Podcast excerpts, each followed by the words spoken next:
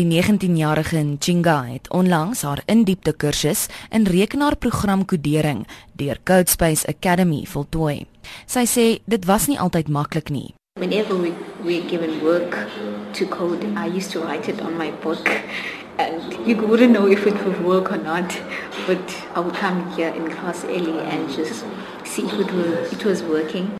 Behalwe vir 'n tekort aan die nodige hulpbronne, verduidelik Nchinga dat lewe in Khayelitsha uitdagings van sy eie het. You know, the crime in here is really, really hectic, especially in this environment where I, uh, where I live.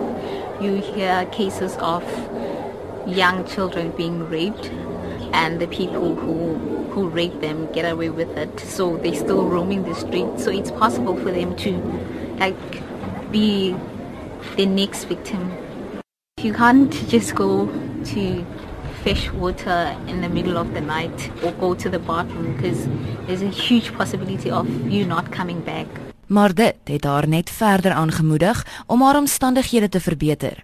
Sy vertel dat sy in graad 8 deur Kossat aanvaar is, 'n hoërskool wat spesialiseer in wiskunde, wetenskap en inligtingstegnologie.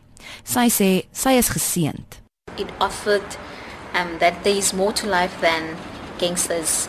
If you just work hard, regardless of where you're coming from, and you follow your dreams, you make up your mind of what you really want in life, then you can achieve all great things.